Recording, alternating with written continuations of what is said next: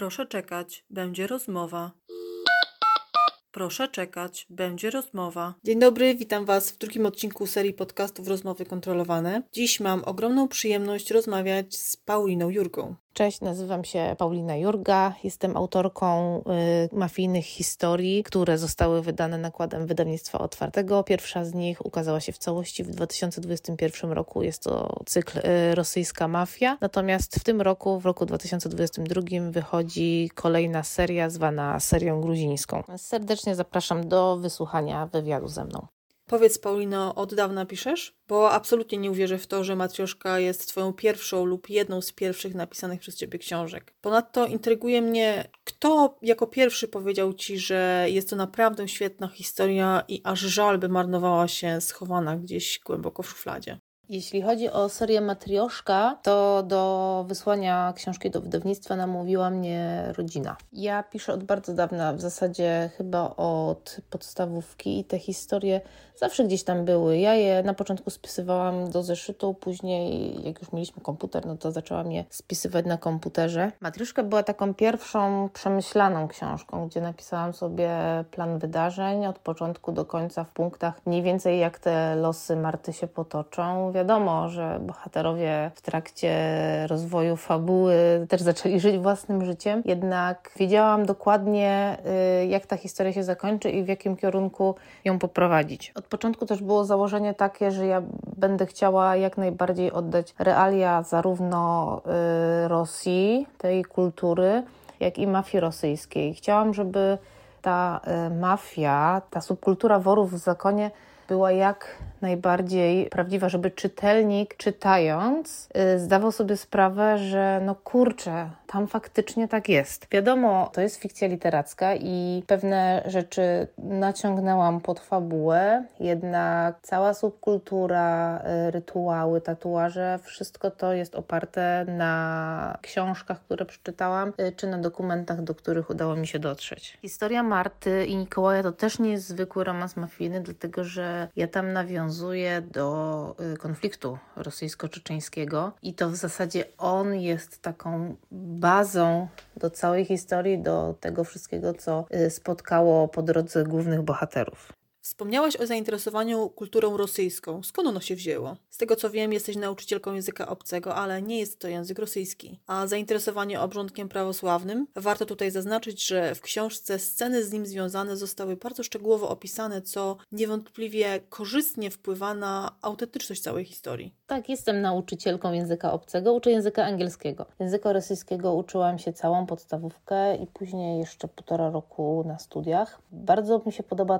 kultura rosyjska, bardzo mi się podoba y, religia prawosławna. Fascynuje mnie to strasznie. Dlaczego akurat wybrałam rosyjską mafię? Chyba z tego względu, że ta kultura, te obyczaje, to wszystko y, jest, dla mnie jest bardzo interesujące i chciałam też to y, pokazać y, czytelnikom. Dlatego też pewne sceny, tak jak zwróciłaś uwagę, są szczegółowo opisane. Tak, szczegółowo opisałam niektóre obrządki religii prawosławnej, jak ślub, prawosławny pogrzeb, pogrzeb czy boską liturgię. Chyba też z tego względu, że no, nasz kraj jest w większości krajem katolickim, ale też miałam sygnały od y, czytelniczek, które są wyznania prawosławnego, że faktycznie udało mi się oddać to tak, jak jest y, naprawdę, więc y, bardzo się cieszę, bo ja w zasadzie nigdy nie byłam na mszy prawosławnej, nigdy nie byłam też na prawosławnym ślubie. Całą moją wiedzę czerpałam z książek oraz z filmów dokumentalnych Y, z jednym wyjątkiem, gdzie y, jeżeli chodzi o rytm małżeństwa, to zwróciłam się do duchownego prawosławnego, który y, taki rytm mi udostępnił. A dlaczego akurat rosyjska mafia? Nie włoska, nie hiszpańska, nie amerykańska, tylko właśnie rosyjska? Mm, jak zaczynałam pisać Matrioszkę, to w ogóle tych romansów mafijnych nie było za dużo na rynku. Jeżeli już były, to były autorek zagranicznych i dotyczyły głównie włoskiej mafii. Tym bardziej, gdy już zagłębiłam się w temat i w tą subkulturę worów, wydało mi się to tak niesamowite, niesamowicie fascynujące, że uznałam, że y, czytelników y, również ten temat zainteresuje. W zasadzie cały czas te romanse mafijne, które się pojawiają, to w większości przypadków cały czas to jest ta mafia włoska i to mafia włoska w działająca w Stanach Zjednoczonych. Coraz więcej jednak widzę, że pojawia się książek, no właśnie romansów mafijnych, które opisują y, mafię rosyjską. Więc to chyba musi podobać się czytelnikom, jak również samym autorom, bo wydaje mi się, że jeśli autora nie interesuje jakiś temat, to nie jest w stanie stworzyć takiej historii, żeby spodobała się czytelnikom.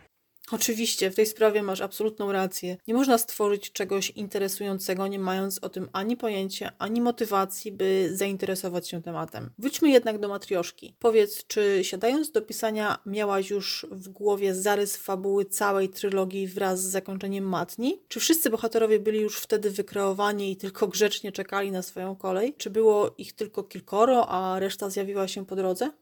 Generalnie ja pisząc książkę zazwyczaj y, zakończenie już mam od razu. Miałam zarys fabuły, chociaż początkowo y, Matrioszka miała mieć dwa tomy. W momencie, kiedy wysyłałam mm, pierwszy tom do wydawnictwa, wiedziałam, że tomy będą trzy, że to będzie trylogia. Od początku wiedziałam, że będzie ojciec Marty, że, no, że będzie Mikołaj, y, który będzie miał przyjaciela, że pojawi się Tatiana, wiedziałam, że Marta będzie miała piątkę rodzeństwa i że będą, będą to właśnie trzy pary bliźniąt, ale na przykład postać Igora, który pojawia się w Matni i który będzie miał swoją osobną historię y, w serii gruzińskiej, która wychodzi teraz w marcu, to Igor właśnie był postacią, która mm, zrodziła się podczas tworzenia fabuły. Bardzo intrygują mnie imiona i nazwiska bohaterów, ponieważ te rosyjskie brzmią naprawdę jak rosyjskie, czeczeńskie po czeczeńsku, a białoruskie po białorusku. Jakie dobierałaś? Sięgałaś po twórczość autorów ze wspomnianych krajów? Co do imion, jeżeli chodzi o imiona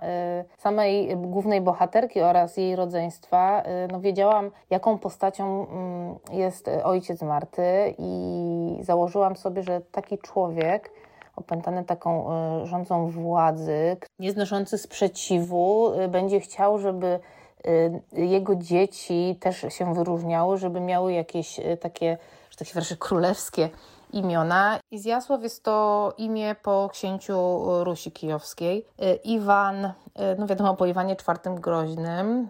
Y, siostry Marty, Anastazja i Aleksandra mm, mają imiona po rosyjskich y, carycach. Maksymian to od rzymskiego władcy Maksymiana, a Matriona, no Matrioszka od początku miała być Matrioszką. I Matriona otrzymała imię po Matrionie y, Rasputinie, która zmieniła swoje imię właśnie z Matriony na Marię. Była to córka Grigoria Rasputina, który był y, faworytem rodziny cara rosyjskiego Mikołaja II. Nad wyborem imion też spędziłam dużo czasu, dlatego że zależało mi na tym, żeby były oryginalne. No i tak jak zauważyłaś, żeby czeczeńskie imiona były czeczeńskie, rosyjskie były rosyjskie, a białoruskie były białoruskie. Nie sięgałam, chociaż nie, przepraszam, sięgałam po twórczość autorów ze wspomnianych krajów, y, chociażby na przykład szukając kołysanki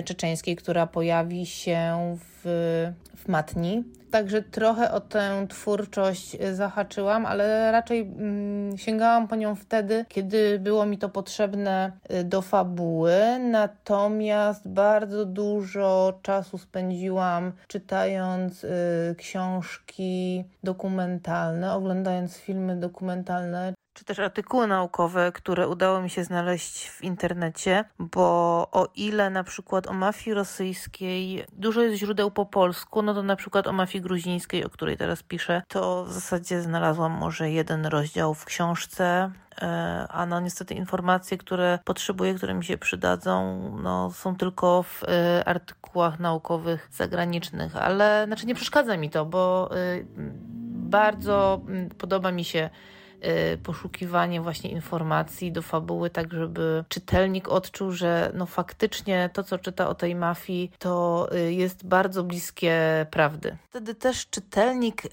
dzięki temu ma takie wrażenie, że ten autor wie o czym pisze, że ma pojęcie o czym pisze, nawet jeżeli de facto jest to fikcja literacka.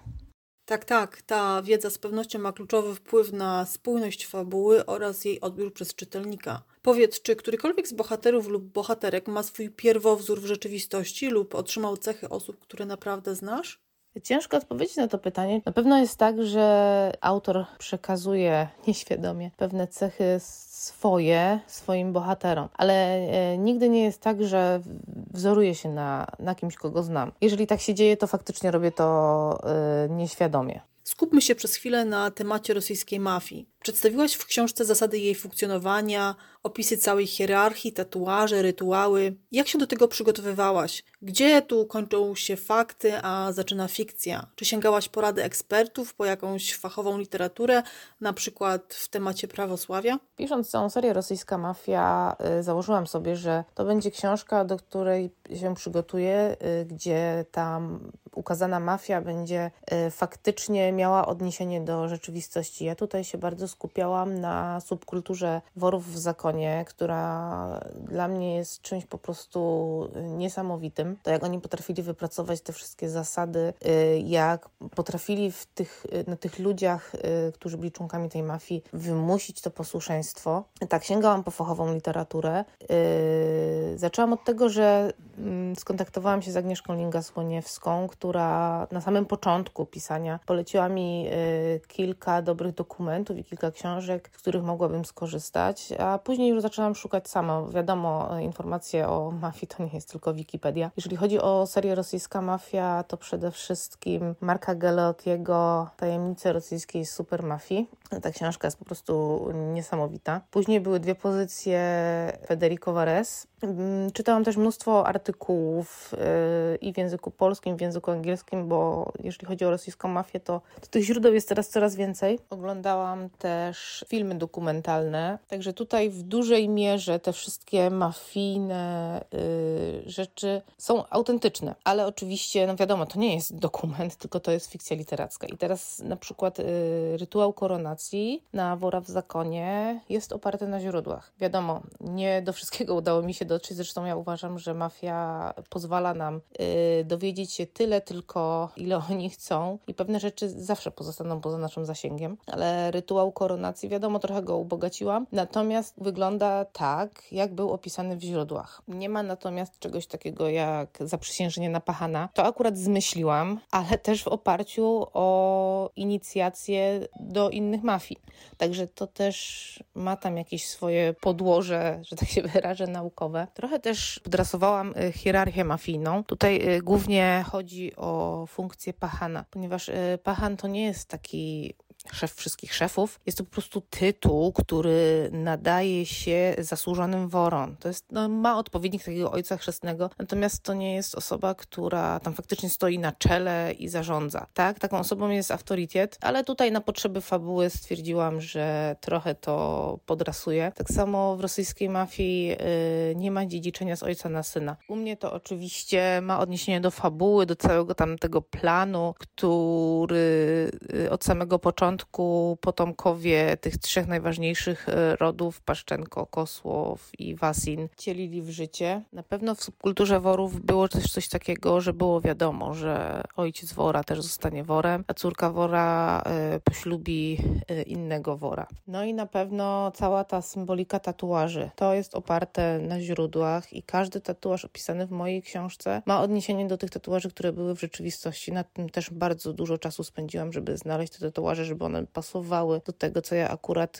chcę w fabule opisać, do czego chcę nawiązać. Także jeżeli ktoś jest ciekawy, jak funkcjonowała mafia w, właśnie w okresie tych worów w zakonie, to myślę, że znajdzie bardzo dużo faktów w moich książkach. Tak samo jeśli chodzi o prawosławie. No jestem katoliczką, więc w temacie prawosławia też, że tak się wyrażę, musiałam się doszkolić. Yy, czytałam bardzo dużo artykułów, oglądałam filmy na YouTubie, jak yy, wyglądają pewne yy, ceremonie. Tutaj na przykład yy, jest ślub w obrządku prawosławnym. I tutaj nawet zwróciłam się do duchownego prawosławnego w Polsce o udostępnieniu mi rytu zaślubin, żeby no jak najbardziej autentycznie to wypadło. Myślę, że czytelnicy lubią takie rzeczy, yy, takie nawiązanie do faktów, bo dzięki temu wiedzą, że te książki mają jakieś odniesienie do rzeczywistości, nawet jeżeli to jest fikcja literacka. Paulino, ciekawi mnie, czy czytasz swoje książki, gdy finalny egzemplarz jest już w Twoich rękach, gdy masz już przed sobą tą zmaterializowaną opowieść, która kiedyś tam pojawiła się w Twojej wyobraźni. Sprawdzasz, czy wszystko jest tak, jak powinno, czy raczej odkładasz książkę na półkę i już do niej nie zaglądasz? Muszę się przyznać, że wersji papierowych nie czytałam. Nie dlatego, że ja podczas redakcji i korekty tyle czasu spędzam na tym tekstem, że po prostu nie wiem, czy to jest przesyt. Ja kiedyś do nich sięgnę na pewno, natomiast y, wszystkie trzy wysłuchałam w formie audiobooka i to w ogóle było dla mnie super doświadczenie, ponieważ Anna Grochowska ma niesamowity głos i niesamowicie wczuła się w ogóle w tych moich bohaterów. Ja już naprawdę śmiałam się, że ona chyba siedziała mi w głowie, bo przekazywała emocje dokładnie tak, jak ja sobie to wyobrażałam. I tutaj zgadzam się z Tobą bezdyskusyjnie i całkowicie. Ja również słuchałam audiobooków i to było coś absolutnie niesamowitego. Głos Anny Grochowskiej w połączeniu z Twoim piórem robi tak niesamowite wrażenie, że niemożliwym jest oderwanie się od tych emocji i wrażeń. Tą historię trzeba po prostu poznać od początku do końca i najlepiej bez jakichkolwiek przerw. Mm, za kilka dni odbędzie się premiera Twojej najnowszej książki, czyli pierwszego tomu Gruzińska seria. Wiem, że tym razem postacie, które przedtem były drugoplanowe, teraz zagrają pierwsze skrzypce. Co jeszcze możesz nam o niej powiedzieć? Czy w jakiś znaczący sposób różni się od rosyjskiej mafii? Ilu nowych bohaterów możemy się spodziewać, a może w większości pozostaniemy w gronie dobrych znajomych? Seria Gruzińska Mafia będzie opowiadała o losach Igora, który pojawił się w trzecim tomie serii Rosyjska Mafia. E, Igor Wasin jest torpiedą, czyli płatnym zabójcą. Był też mafijnym egzekutorem. E, jest bardzo tajemniczą i złożoną postacią. E, jest samotnym wilkiem, nie znosi mafijnej polityki. Generalnie najchętniej czuje się, kiedy wszyscy dają mu święty spokój i może robić to, co lubi. Jest bardzo inteligentny, ma wykształcenie medyczne i bardzo spodobał się czytelniczkom. Także widzę po pierwszych recenzjach, że jego historia bardzo się spodobała. Pojawią się tam postacie, które pojawiły się w rosyjskiej mafii, jednak będą odgrywały takie bardziej epizodyczne role. Ławrusznik jest w zasadzie takim wstępem do całej historii. Można go czytać spokojnie, bez znajomości tego cyklu rosyjska mafia.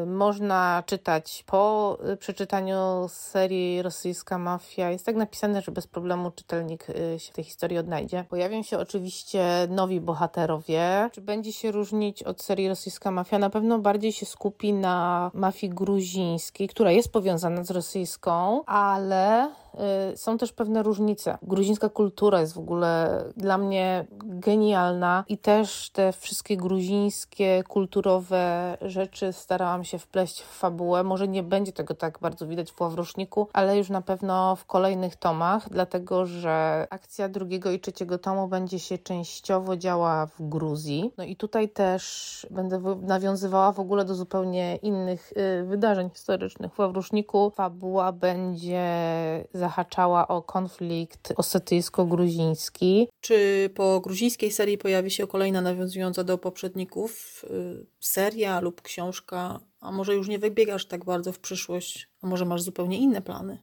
Szczerze mówiąc, nie wiem. Następna seria, jaka wyjdzie, to w ogóle nie będzie seria związana z mafią. Nie chcę też wybiegać tak daleko w przyszłość, ponieważ u mnie często jest tak, że pomysły przychodzą mi nagle. Także jeżeli uznam, że y, jakiś bohater jeszcze zasługuje na moją uwagę, to y, pewnie coś powstanie. Może też tak być, że czytelnicy y, zapałają miłością do jakiegoś bohatera i dzięki temu to mnie natchnie, żeby opisać jego perypetie. Jednak na ten moment historię mafijną chcę chcę zakończyć na ostatnim tomie e, serii gruzińskiej, czyli na Worowce. E, mogę w sumie jeszcze tylko zdradzić tyle, że akcja Ławrusznika mm, dzieje się 18 lat temu, natomiast jeżeli chodzi o akcję w Pachanie i w Worowce, będzie to akcja, której wydarzenia będą się rozgrywały po wydarzeniach e, w Matni. Mimo iż te historie, znaczy no w jakiś sposób są powiązane ze sobą, bo bohaterowie tam będą się przewijać epizodycznie, natomiast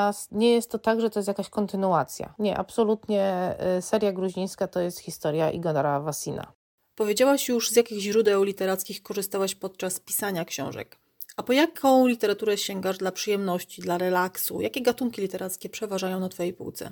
Na mojej półce generalnie jest miks, dlatego że ja czytam różne książki, różne, sięgam po różne gatunki literackie. Wszystko zależy od mojego e, nastroju, że tak się wyrażę. Bardzo lubię e, książki, w których dużo się dzieje, w których czuć ten dreszczyk emocji. Także jest trochę thrillerów, jest dużo przygodówki, ale jest też fantazy. Znajdziemy też romanse. Także to nie jest tak, że ja się zamykam na jeden dany gatunek i po nic innego nie sięgam. No, obecnie bardzo dużą część mojej półki zajmuje też literatura faktu, z tego względu, że no, przygotowuję się do pisania y, kolejnej serii. Tak jak już wspominałam, nie będzie to seria mafijna, jednak y, napisanie pierwszego tomu zajęło mi 10 miesięcy właśnie ze względu na research do tej historii. Gdybyś miała wskazać jednego autora lub autorkę, której choć jedną książkę każdy powinien przeczytać, kogo byś wybrała? Wskazanie ulubionego autora czy autorki jest naprawdę niezmiernie trudne, ponieważ mam kilku takich topowych autorów, zarówno polskich, jak i zagranicznych, po których bardzo chętnie sięgam. W zasadzie